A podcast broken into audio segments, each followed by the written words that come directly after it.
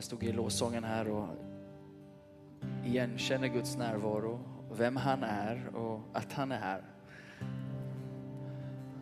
Så är det som hans närvaro liksom bär oss fram. Hans, hans person, hans frid, hans kraft. Lyfter oss, bär oss där vi har kämpat, där vi har försökt att bestiga bergen, där vi har lagt manken till, tagit oss i kragen, själv är bäste dräng. Och så stiger man in i ett rum där Gud är och så får man vila. Andas in honom och få andas ut hans liv. Det här är en bra plats att andas in Guds liv på djupet av ditt väsen. Vem du är, att få bli ett med honom, hans plan, agenda, vem han är. We breathe in him in. Vi andas in honom och så får vi andas ut honom. Kan vi sjunga den enkla kören som du började Alfred? Den kanske är ny för en del av oss. Men det finns någonting när vi kopplar. På grund av att han har älskat oss så djupt och när vårt djup får uttrycka den kärleken, det sker någonting där. Det är dig som jag älskar. Det är dig som jag älskar mer än tusen ord kan säga. Jesus med för varje dag kom bli mitt liv. Bjud in honom just nu. För det är dig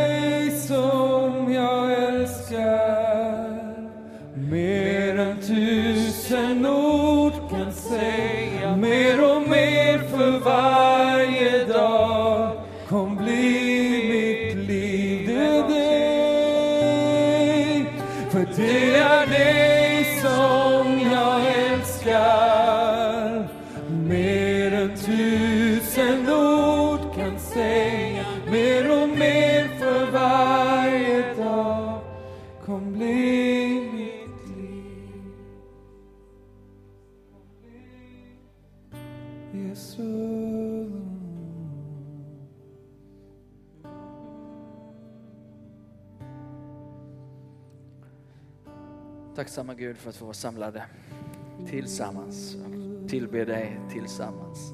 Dina barn som din familj. Ber idag när vi också öppnar ditt ord givet till oss att det skulle tala till oss. Att det ordet som är levande och verksamt skulle få gripa våra hjärtan den här dagen på ett unikt individuellt sätt men också till oss som, som, som gemenskap och som familj. Tack att du är så obeskrivligt god. Och jag önskar och ber Gud att de som kommer till kyrkan den här dagen och inte har en personlig relation med dig, att de fick smak på din godhet idag. Att ditt evangelium om godheten till människor genom Kristus Jesus skulle bli uppenbarad. Var och en av oss skulle få se lite mer av vem du är. Dra var och en av oss, Herre, lite närmre Jesus den här dagen. Låt oss få också släppa taget där det behövs, Herre. Låt oss lita på din godhet, att du går före oss, att du leder oss, att du har goda saker förberedda för var och en av oss i det här rummet. Och tillsammans vill vi upptäcka detta, Herre. Så kom heligande. Den här söndagen ber vi i Jesu namn. Amen. Gott hörni, att få tillbe honom. Varsågod och, och slå dig ner. Och välkomna till Citykyrkan den här söndagen. Särskilt om du är här för första gången så är du speciellt välkommen. Och eh, eh har, har, vi någon som vi kan få applådera om? Du kan väl vifta lite om det är någon som är här första gången. Titta här, lite folk här. Välkomna hörni. Känn er som hemma och jag tycker vi också ger det här teamet som har lett oss i tillbedjan också en uppmuntran. Kan vi göra? Tack ska ni ha.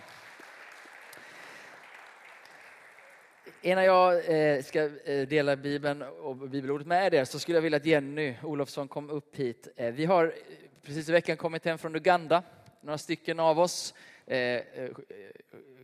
Morenos Jorge Rosa var också med och Lennart och Regina och lite andra. Men jag bad dig Jenny, bara ge en, ett axplock. Vi har ju haft en helt makalös vecka.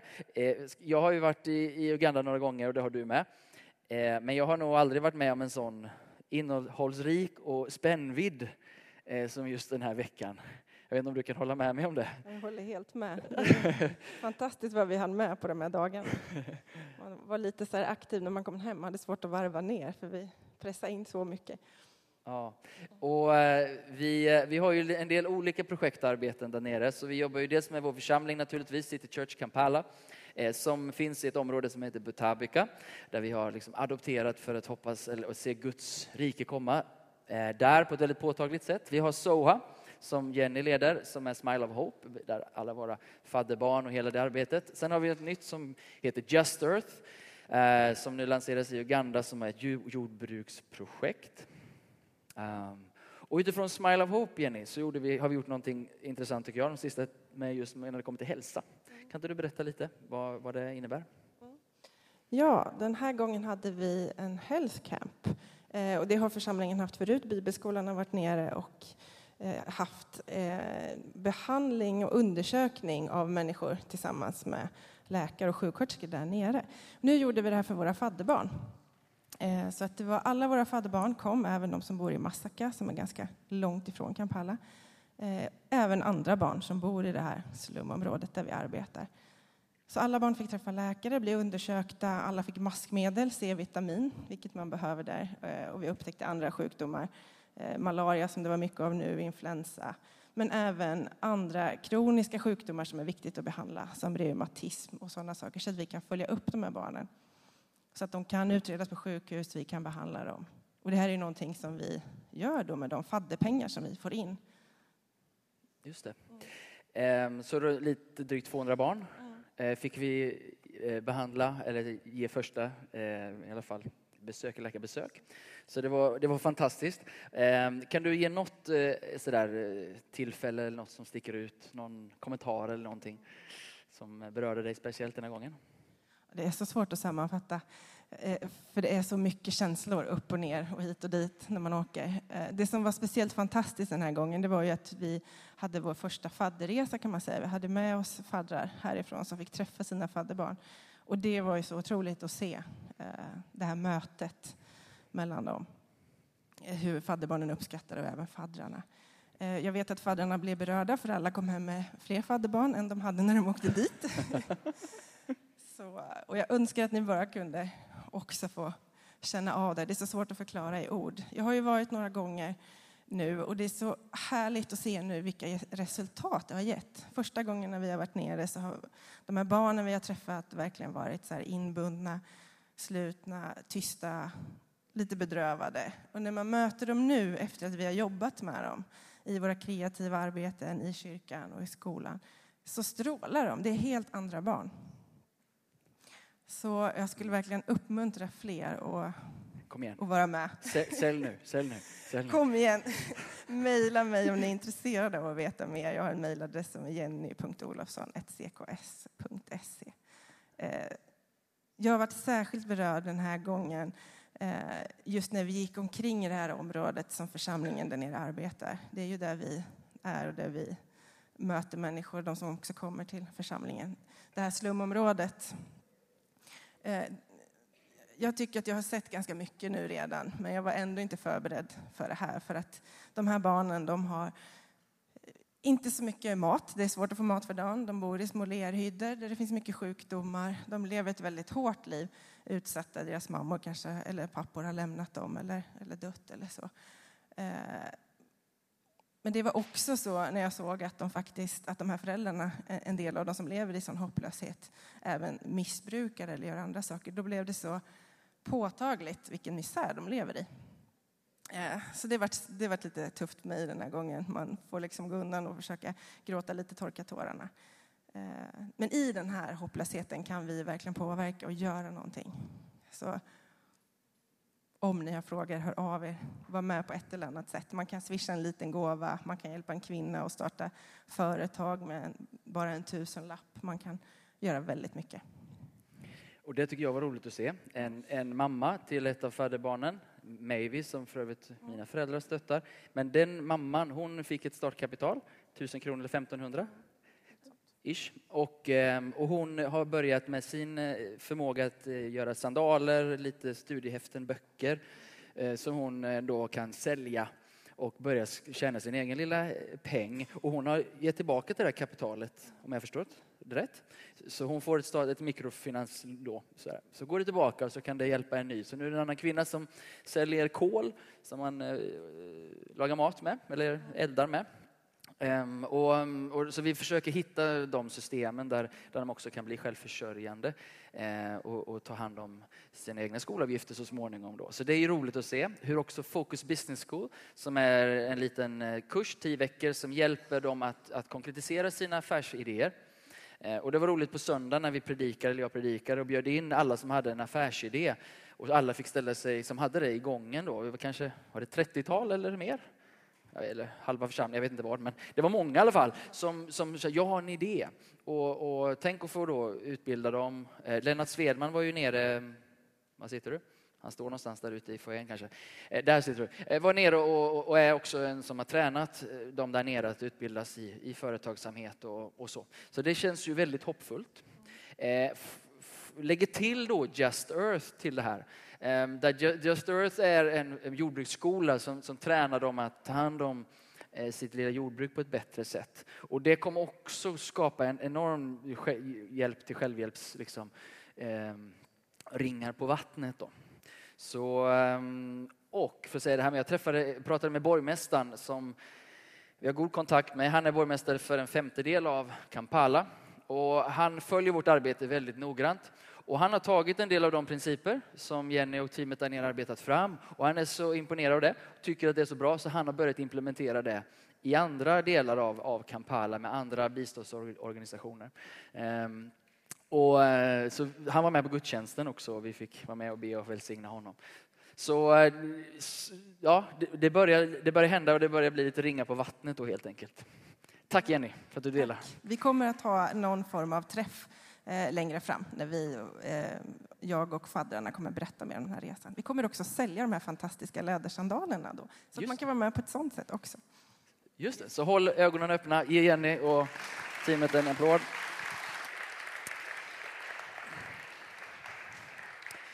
Eh, låt mig säga något kort mer om Just Earth, för det är också eh, vi hade en mängd möten nu då ehm, kring detta. Några av er har hört talas om att vi har favör med ett kungarike nere i Uganda. Ehm, och, och kungen där, han, han gillar oss och hans stab. Eh, så vi hade ett tillfälle att möta eh, dem, sitta i middag. Och de, eh, det är ett kungarike som har 410 000 invånare. Um, och, och, där kommer vi att starta två stycken jordbruksskolor, är tanken. Ehm, så, ehm, eh, och när jag säger vi så kommer det här vara mer än på Citykyrkan, utan vi gör det tillsammans med många andra församlingar. Eh, exakt hur det ser ut får vi ta lite undan för undan. Men ehm, det är två jordbruksskolor på gång. Eh, I, och vi var och besökte marken och satte spaden i jorden där. Och, det innebär att 36 plus 36 farmare, bönder, blir tränade och det vi hoppas på är att det ska bli ett startskott, en, en demonstration, en, ett pilotprojekt som sen kan skaleras upp då och appliceras. Vi kommer också förmodligen göra det här inne i Kampala. När vi var där så öppnade sig det ena efter det andra. Så vi har fått förmodligen tillgång till mark in i, nära Kampala också. Så vi kan träna människor redan eh, liksom, eh, i, i, i anslutning till vårt Butabika-arbete och tillsammans med en annan församling. Um, så ni kanske var här under våren när jo Joseph Serwada var här och predikade. En, eh, hur många var här och lyssnade på Josef? En del av er. Så, så jag var i hans, ehm, vi var i hans församling och predikade där. Och han har ett eh, väldigt stort nätverk av församlingar som spänner över hela landet. Så lyckas vi in i Kampala så skulle han vilja ta det här ut över hela landet. Och, ehm, och det är självförsörjande. Så, så sätter vi igång snöbollen så kan det få en stor spridning och hjälpa väldigt många. Uganda behöver inte ha någon fattigdom. Eh, det är så bördigt så du bara stoppar ner en, en planta eller ett frö i jorden och buff, så du behöver inte göra någonting. Du bara kan sitta och gunga sen så bara händer någonting. Va? Eh, eh, på ett år, så om du stoppar ner, vi var så planterade 160 träd i Massaka för, för övrigt. Vi har, det finns, vi har mark där också. Och de 160 träden, några av dem papaya, och då berättar de att stoppar vi ner en liten sån här späd liten sak och på ett år så är den så här stor och börjar ge frukt. Eh, och på två år så är den liksom fullvuxen och är helt igång. Eh, om man tittar på en telefonstolpe, jag vet inte om någon i gänget här vet hur lång tid i Sverige man behöver, hur länge måste en tall eller en gran växa för att det ska bli en telefonstolpe? Kent, du vet det mesta. Det är ganska många år i alla fall. Ja, då, så pekar man, ja men det där är ett eukalyptusträd, det, det blir så stort på tre, fyra år. Eh, så det är liksom växtkraften. Ingen behöver vara fattig, men det är olika saker som har liksom underminerat den här, eh, det här landet. Då. Krig, eh, aids, okunskap, många, många saker. Och tänk att få vara med och vara en del av att se hjälp på det här konkreta, det här konkreta sättet. Då. Ja, det finns massor mer att säga, men eh, du fick en liten kort rapport i alla fall. Gå till Johannes evangelium kapitel 1 om du har Bibeln med dig.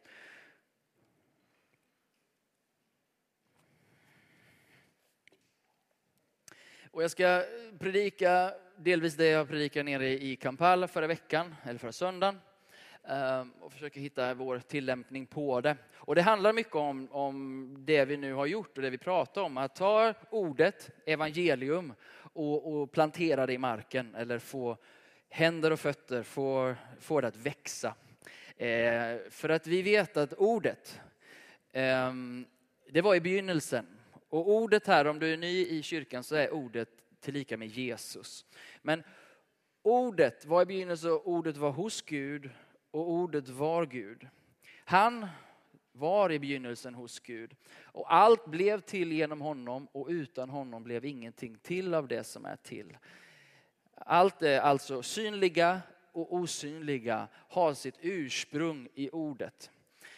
Och sen läser vi i vers 14 att det här ordet, det blev kött eller det blev människa. Och det bodde ibland oss. Och när det gjorde det så såg vi hans härlighet. Den härlighet som den enfödde, nämligen Jesus, har från Fadern. Och denne Jesus, ordet, han var full av nåd och sanning. Och det här är liksom den process som från Guds sida pågår. Att ordet, det strävar efter att bli människa. Ordet som är Gud, hos Gud, söker den och de där det kan få bli människa och bo ibland oss. Ordet var Gud och i Jesus så ser vi mönsterbilden över hur det här ska se ut, eller hur det här kan se ut. Jesus ger oss en väg, en, en mönsterbild för oss att efterfölja.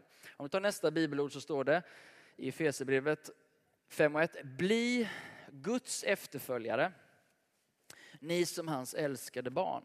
Och lev i kärlek, så som Kristus har älskat oss.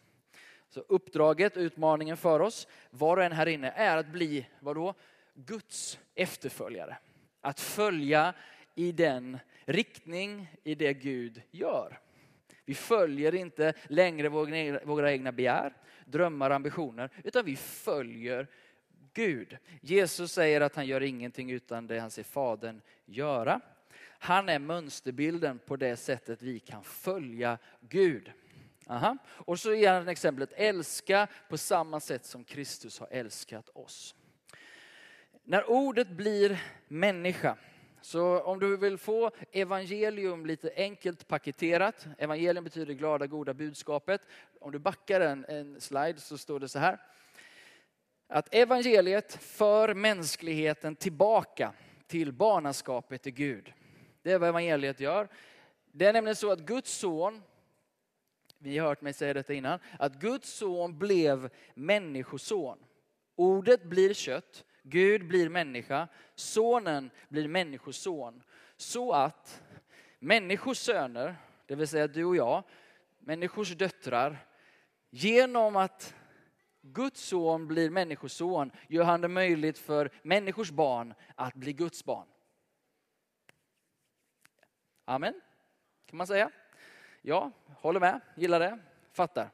Eh, det är vad som håller på att ske. Det är vad, som, som Gud genom Jesus syftar till. Det är att vi ska få bli hans söner, och döttrar, att vi ska få bli hans barn. Han kallar oss in, inte som arbetare främst, utan som barn och som arvingar. Vi får vara del av en familj. Vi är inte bara varken robotar eller arbetare eller slavar, utan vi är söner och döttrar. Det är det han för oss in i. En relation till pappa Gud där vi är hans barn.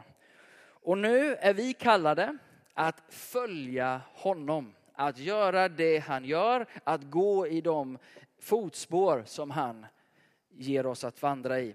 Och det var det liksom jag antydde när jag i början här i lovsången upplever hur Gud går före oss. Och vi kan inför den här hösten, du kan inför den här terminen som du står inför, veta att Gud går före dig. Att han, du lutar dig in i honom, du lutar dig in i det han gör. Eller ännu mer att han bär dig in i det som komma skall. Att det finns en vila att få. Och det är det jag hoppas, eller det jag upplever i alla fall idag när jag stiger in i lovsången. En medvetenhet om att Gud redan är där. Gud har förberett någonting. Gud är på gång med någonting. Det handlar inte om att vi ska skapa massa saker, få saker att ske och hända, utan gå in i det han redan gör. Amen. Så detta gör vi utifrån att vi är barn, vi är älskade. Och i det så finns det någonting som pappa Gud har liksom lagt framför dig. Och den banan är inte bara att han sätter dig och så springer du iväg, utan han själv går med dig. Och jag vet inte hur det är med dig, men jag, jag blir vilsam av det. Okej, okay. så det innebär att det här omöjliga, det jag predikade om för två veckor sedan, de här bergen, det här som du och jag kallar att göra, vi går inte själva in i det. Utan Gud går både för oss, han bor i oss och han är runt oss. Okej, okay. så det där var bara liksom lite, lite grundläggande, lite grundläggande undervisning.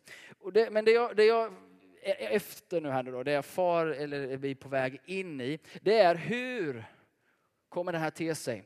Hur kommer det se ut när ordet blir människa på 2000-talet eller om du vill imorgon i ditt liv? Vad, vad, vad är det Gud har för oss? Vad är det, på vilket sätt ska det här ske i den här tiden? Och då skulle jag vilja att du går till Efesierbrevet eh, kapitel 4 och vers 7 till 10.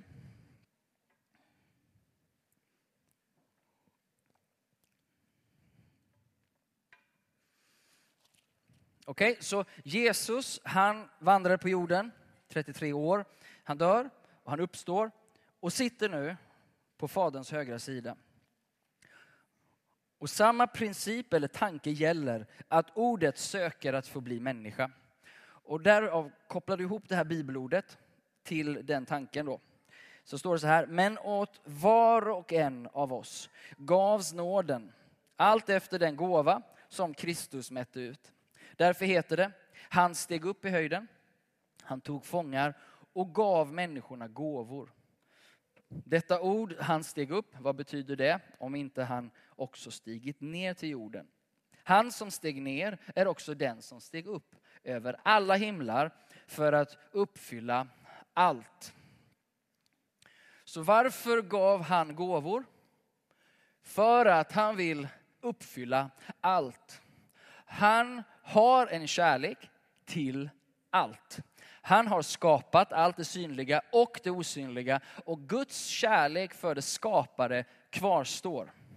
Han ser skapelsen när den bryts ner, när vi pajar den, när vi förorenar den, när vi bryter ner den. Det rör vid Guds hjärta på ett negativt sätt. När vi tar hand om den, förvaltar den och förmerar den och inte förbrukar den men förmerar den. Då rörs Gud av det. Därför att han är en skapare och han älskar allt det han skapat.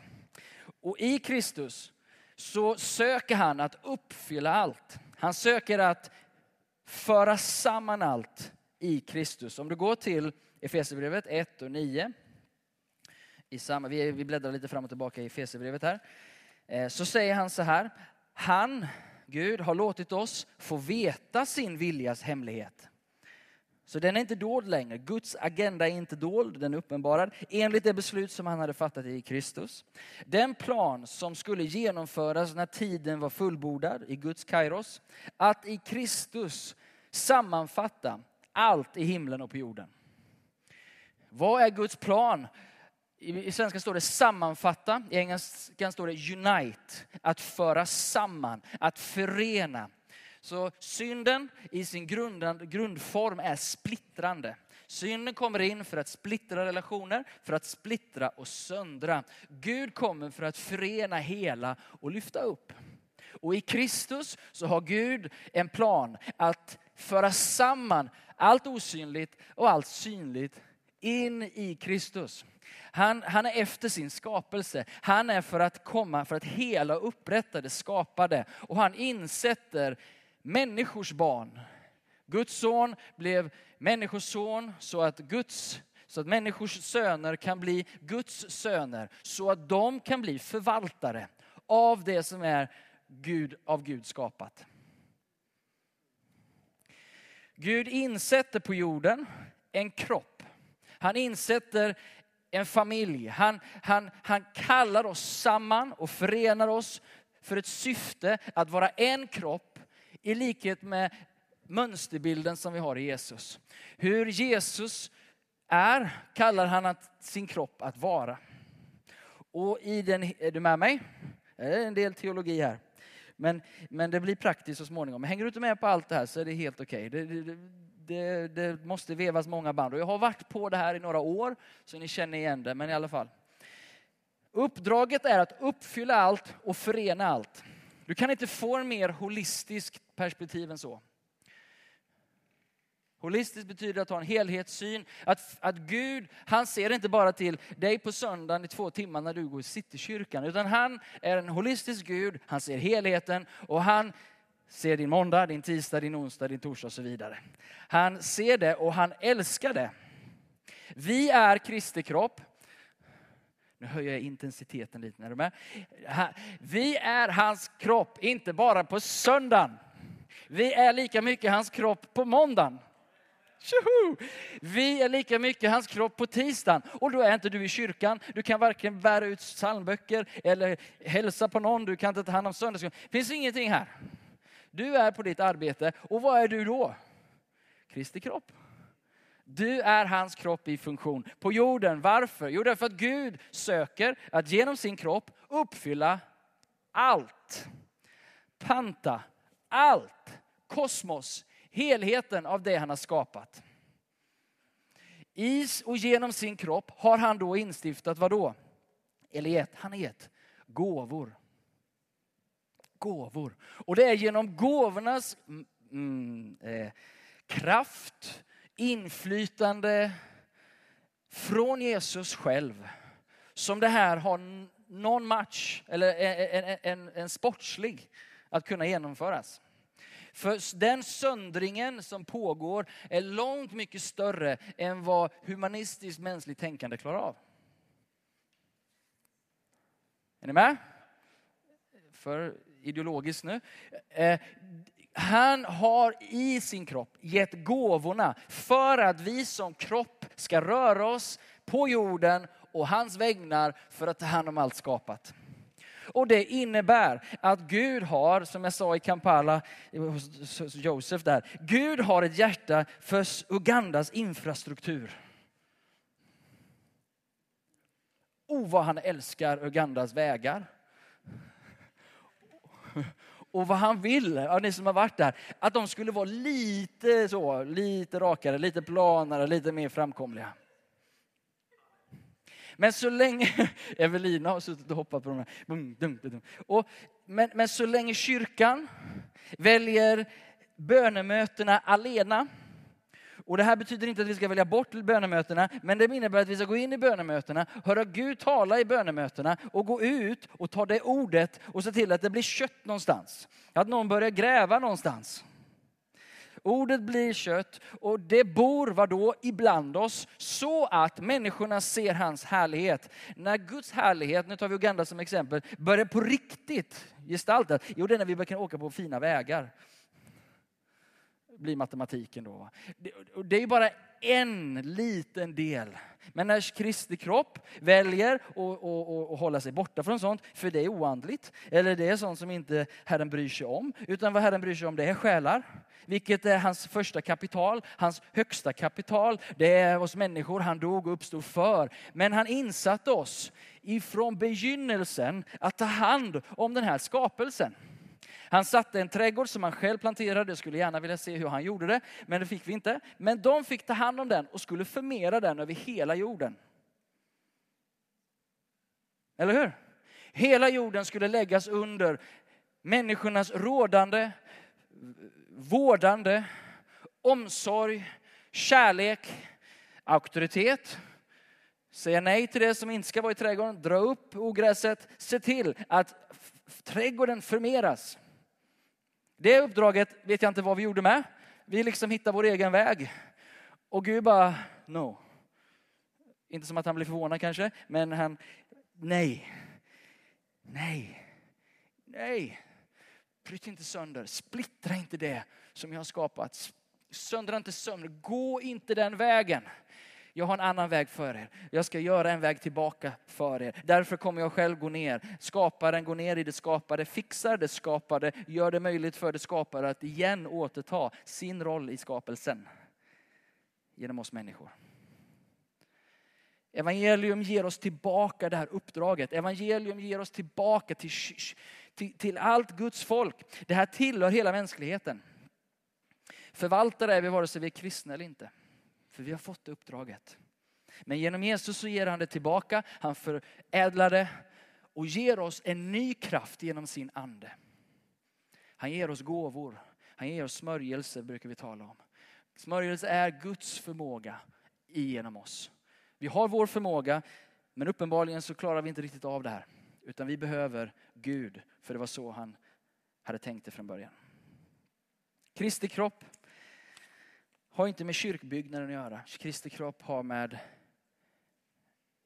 Kyrkbyggnaden har att göra med tränandet, med, med, med tillbedjan, med, med påminnelsen att återvända till evangelium, att, att, att komma ihåg var våra rötter är och hur beroende vi är av honom. Så att vi på ett effektivt sätt sen kan gå ut och vara Kristi kropp genom den gåvofördelning som han har gett till sin kropp. Och hur ser den här gåvofördelningen ut? Jag är glad att du frågar. Ehm, det tar mig vidare här, eh, in i, i, eh, i vers 10 och 11. Du känner till det här kanske, om du har läst Efesierbrevet, att han som steg upp och gav gåvor för att uppfylla allt, jo, han, han ger den en, ett fem, femfaldigt uttryck. Några till apostlar, andra till profeter, andra till evangelister och andra till herdar och lärare. Så i det här sammanhanget, när, när, när Paulus i Efesierbrevet målar upp kyrkans roll i världen, han målar upp storheten av evangelium, Guds hemliga plan uppenbarade Jesus, så talar han om hur Kristus ska äntligen få uppfylla allt i alla. Och det gör han i den här kontexten på ett femfaldigt sätt. Han gör det genom fem tydliga gåvofunktioner som ska strömma genom hans kropp så att vi kan fullborda vårt uppdrag. Om vi tar bort något av de här fem så kommer vi få en haltande kropp, en osund kropp, en, en, ett, ett, ett eh, förminskat eh, förvaltande av det vi har fått att förvalta. Så Kristi kropp fungerar inte som den ska. Och igen, jag tänker inte kyrka nu, utan jag tänker arbetsplats framför allt hur de femfaldiga tjänstegåvorna påverkar din arbetsplats. Hur gåvan, strömmen faktiskt finns där. Att det redan utifrån skapelsen, att du är skapad, varje människa är skapad till Guds avbild, finns redan de här femfaldiga uttrycken skulle jag säga. Men när vi tar emot Jesus så får vi också ta emot den heliga Andes nåd och kraft över de personligheter och gåvor som ligger nedlagt från, från begynnelsen. Okej, okay, så det var massa teori. Och det här är min tanke att vi under hösten ska gräva i tillsammans. Min förhoppning är att vi under den här hösten ska kunna titta på det på söndagar och på olika sätt. Förvandlat arbetsliv kommer som en del i detta. Lite grundläggande. Hur relaterar mitt arbete till Guds rike och Guds rike till mitt arbete? Hur får jag in det här? Hur tänker jag om det? Och hur kan jag bli förvandlad och förnyad i mitt tänkande kring detta? Femfaldiga tjänstegåvorna, hur landar de i sin vardag? Exempelvis lärare, ett, ett, ett arbetslag på en, på en skola. Hur uttrycker sig de femfaldiga tjänsterna i arbetslaget? Ja, läraren kan vi hoppas finns där. Eller hur? Det, det vore ju skönt om det fanns några lärarkompetenser, kapaciteter i lärarrummen. Eh, och vi tror och förutsätter att den finns där. Men, men hur uttrycker sig herdens roll till exempel? Finns det lärare som har mer en herdeframtoning? Ser de där eleverna som är åsidosatta, ser, och, och, inte bara i sitt eget klassrum, men, men fångar upp hur det är i klassrummet bredvid. Läraren som är lärare i sin gåvokapacitet gör ett fantastiskt pedagogiskt jobb. Men den lärare som har en herdekapacitet ser de här individerna, fångar in periferi och, och, och drar in, ser till att atmosfären är trygg, att den är hälsosam och att det finns en sund kultur där eleverna faktiskt kan lära sig. Heden påverkar arbetslaget att tänka på de här eleverna som inte har det lika lätt. Heden säger, men vänta nu här, hur, hur vad har vi för, för, plan för det här? Och, och, och, och heden flaggar, det är någon som är mobbad. Här borta har vi beteenden som vi inte alls tolererar. Och plötsligt så reser sig profeten. Vem är det som mår far illa? Och vem är det som är förövaren? Vi måste hjälpa den här situationen. Profeten agerar på en gång. Så att jag, jag ska prata med de här föräldrarna, jag ska ta kontakt. Vi behöver ha ett klassråd. Vi behöver samla, vi behöver ta i det här nu. Det här är fel. Det här, det här, det här, det här stämmer inte. Så här kan, det här kan vi inte tolerera. Lärare som är profet.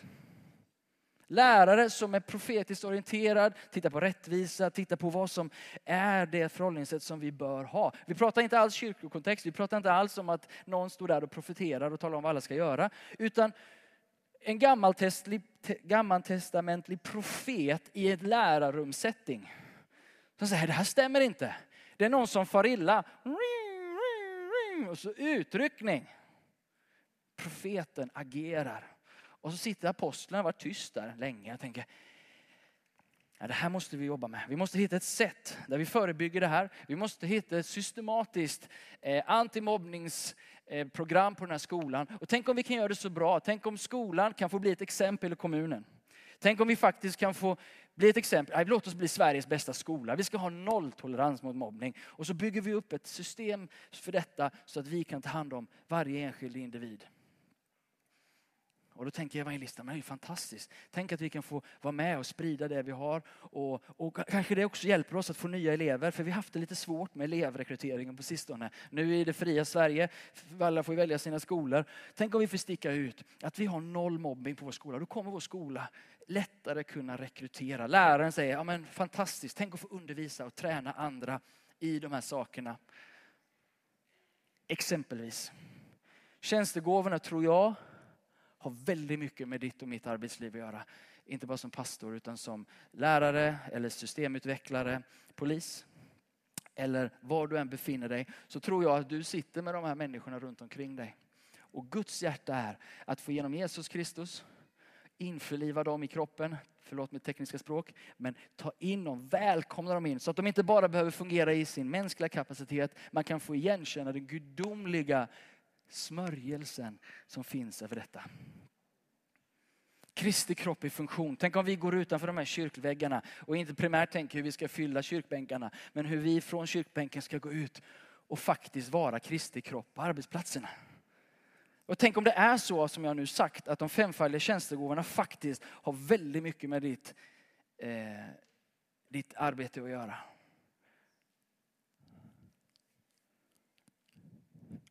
För då tänker jag mig, om det är så som jag säger nu, och är det så att Jesus i kroppen har gett de här gåvorna och den nåden, och tänk om vi tillsammans börjar fungera på det här sättet.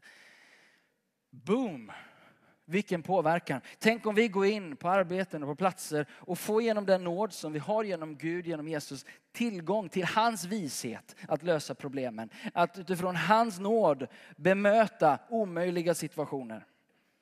Tänk om vi från den här plattformen, från den här församlingen fick identifiera varandras gåvor, styrkor, kapaciteter och välsigna varandra in i de sammanhang vi står vecka ut och vecka in. Och igenkänna, ja men jag är evangelistiskt lagd. Jag fattar min funktion. Jag fattar inte bara utifrån en gåvoupptäckare, du vet, alla, utan utifrån Guds ord. Utifrån hur Gud har skapat mig. Jag fattar, det här är ju jag. Och jag ska inte primärt tillämpa det i kyrkan, utan jag ska primärt tillämpa det i lärarrummet. Amen. Förstår ni bilden? Och det här kanske är helt nytt för mig, gammalt för dig, men likväl så är det här, tror jag, det Gud gör. Han hjälper kyrkan, inte bara att vi ska gå ut, vi ska gå ut och jag skrev så här, jag tror de flesta kristna inser att följande är viktigt. Ett, god kristen karaktär. Grundläggande, att älska sin nästa, att vara generös, förlåtande, ärlig och så vidare. Det i sin tur ger en god arbetsmoral. Okay, så jag tror vi har pratat om det här. Jag tror att det här är eftersträvansvärt hos de flesta. Att vi säger att vi kommer i tid, vi gör mina arbetsuppgifter efter bästa förmåga. Eh, och jag, jag, jag skäl inte från min arbetsgivare utan jag, jag sköter, håller en hög moral. För det tredje tror jag att vi har pratat om att vara själavinnare, människofiskare, att dela evangeliet och göra lärjungar. Karaktär, moral och eh, lärjungatränande. Och allt det här är superviktigt. Det här är ingenting som vi sagt, men det här kan vi nu. Utan det fortsätter vi att tala om. Men det ger inte nödvändigtvis den holistiska överbyggnaden av förståelse för vad är det vi faktiskt håller på med. Vad är det Gud gör med infrastrukturen i Sverige om du vill, eller med skolväsendet eller sjukvården. Det är ju kaos. Vem och var finns de femfaldiga tjänstegåvorna inom kroppen som går in och tänker både apostoliskt, profetiskt, evangelistiskt, lärare och herde utifrån Guds nåd och smörjelse, Kristi kropp i den sfären? Där borde det finnas nåd given av Jesus för att göra någonting åt situationen. Det borde finnas nåd given av Jesus in i segregationen, in i allt det som sker. Det borde finnas nåd ifrån, det borde finnas kärlek ifrån tronen som vill söka sig efter kött på jorden som är beredd att säga, jag är beredd att älska det här. Jag är beredd att vårda det här. Jag är beredd att ställa mig i den trädgården och tala till fienden och säga, get behind me. Ut! Vi har nu kommit för att bereda plats för Guds rike. Det är färdig med hans elände och splittrande och söndrande. Jag är färdig med det nu. För nu är jag här. Och jag hade tänkt mig att arbeta lite här. Jag hade tänkt mig att ta ordet så att det blev kött. Är det okej okay, eller? Och så inser du att du är inte den enda på jorden och du inser att du inte är Messias, utan du behöver andra. Och du inser att du har ett begränsat spektra, precis som jag. Mitt spektra är apostoliskt framförallt. Och det gör att jag ser långt och smalt. Väldigt smalt. Och det går snabbt. Det är inget bra att lösa alla problem så. Vi blir beroende av varandra. Vi inser att okej, okay, men, men, men, men sätt inte mig i en herdes kläder för då exploderar jag. Mm. Eh, och så är det. Va? Tänk om jag fick vara den jag är i koppling till din styrka och att vi faktiskt kunde samarbeta istället för kivas. Sluta kasta sand som jag pratade om förra, förra söndagen här. Att istället inse, jag Jorge kommer in med nåd in i den här församlingen och gåvor av hans liv som vi behöver. Som kompletterar oss övriga. Ett hjärta, en gåva, en nåd. Och det är ju den här settingen, men samma setting har du på ditt arbete. Och det gör att man kan inte liksom, det går inte att i min värld sätta in en annons i dagen och liksom bara, ja men jag behöver en Jorge Moreno liksom. Utan jag går in i min kammare och jag ber och jag väntar att Herren ska förse och Herren ska ge och Herren ska liksom låta det här gå och vi har tid på oss. Eh, men vi vet vad vi behöver. Vi vet hur vi behöver kompletteras och vi stressar inte för det är Gud som för oss fram. Förstår ni? De här tre sakerna, god kristen karaktär, god arbetsmoral, god, goda människofiskare, allt detta som är viktigt. Men det ger oss inte helheten om Guds logos för din arbetsplats. Logos var ett låneord, förlåt mig, där, från Johannes evangelium, det står ordet blev människa. Ordet är det grekiska ordet logos. Och logos var ett låneord från den grekiska förståelsen av tillvaron. Och det var liksom alltets kunskap, opersonlig, i, i, den, i den grekiska förståelsen. Men dock all kunskap och liksom ursprung för hur saker och ting skulle vara. Så detta logos var inte smalspårigt. Detta logos var allomfattande. Hur vill Gud inkarneras i din sfär och trädgård som du är satt att tjäna? Vad är Guds plan genom Kristus för din arbetsplats? Hur verkar nåden, gåvan utmätt i din sfär för att uppfylla allt och förena allt i Kristus?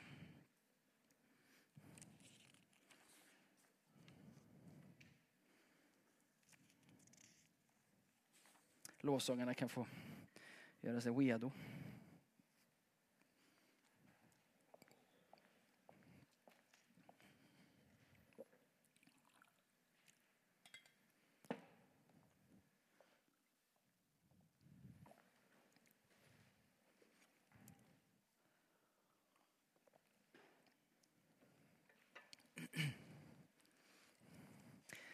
Evangeliet vill inkarneras, bli kött, bli människa. Igen och igen och igen och igen. Inte för att igen dö och uppstå, för det är redan klart. Men igen gestalta Guds egenskaper och fullborda hans plan. Varje gång vi tar nattvarden, det ska vi inte göra idag, så är det en plats där vi påminner oss om Gud vill bli kött igen. Gud vill ha gjort det fullbordat en gång för alla. Men han inbjuder oss alla att vara en del av samma liksom, längtan, samma, samma riktning.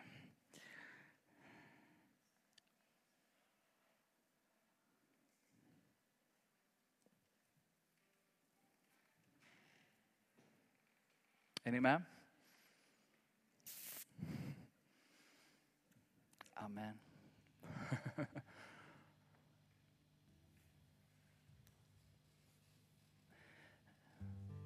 Vi har under några år pratat om det här med att be Gud ta bort skiljelinjen mellan söndagen och måndagen.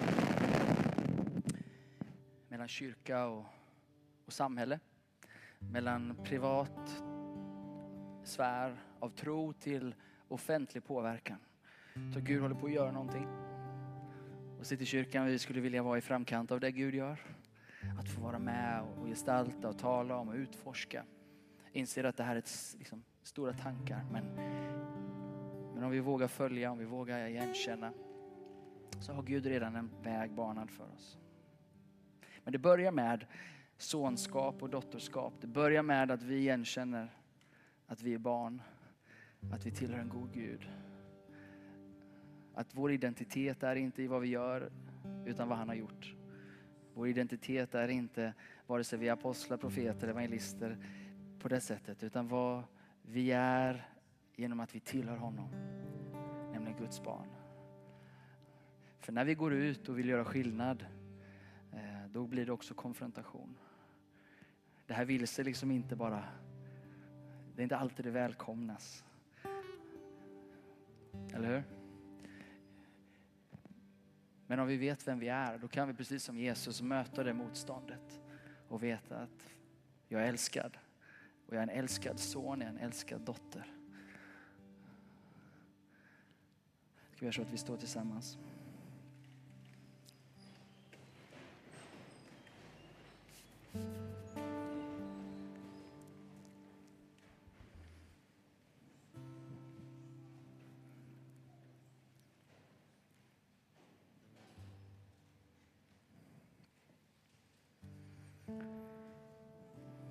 Vi ska ta en stund i, i förbön som vi brukar göra.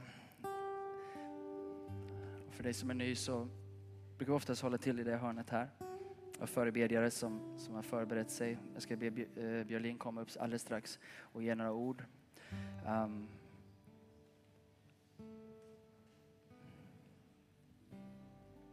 Men eh, jag skulle också vilja göra det möjligt för dig som kom till kyrkan idag. Du kanske inte med tydlighet har tagit emot det Jesus har gjort för dig. Med tydlighet gensvarat. Gud han tar dig inte för självklart och han kommer inte tvinga in dig någonstans utan han väntar på ditt gensvar. Han har gjort allt som krävdes, allt som behövdes göras för att du skulle kunna bli en dotter, för att du skulle kunna bli ett Guds barn. Idag välkomnar han in dig i den relationen genom att ta emot det Jesus gjorde för dig. Och i den här miljön, i den här söndagen så vill jag ge dig tillfället att tydligt gensvara och säga att jag vill bli ett Guds barn. genom att ta emot det Jesus gjorde på Golgata genom korset och uppståndelsen. Jag för, förstår inte allt, men tillräckligt för att vilja ge mitt liv till honom. Och den här söndagen så kan du få ta det beslutet och veta att du är ett Guds barn. Veta att för evigt så har du en relation med Gud. Han kommer alltid stå vid din sida, alltid beskydda dig, alltid ta hand om dig. Han har en plan med ditt liv. Så den här söndagen, vi kan göra så att vi ber och vi böjer våra huvuden i kyrkan här innan vi ska tillbe och ber lite mer för varandra. Men jag skulle vilja ge möjligheten för att det står mellan dig och Gud. Men den här söndagen så har du också möjlighet att, att gensvara. Om du är där och du känner den här söndagen vill jag gensvara och tydligt markera för mig själv att jag vill ta emot Jesus som min personliga frälsare och Herre och jag vill bli hans efterföljare. Om du är här idag medan vi andra ber så kan du bara få lyfta din hand den här söndagen och säga att jag ber för mig den här söndagen. Jag vill ta emot det du pratar om. Medan vi andra böjer våra huvuden så kan du bara få lyfta din hand så ska jag be för dig där du står.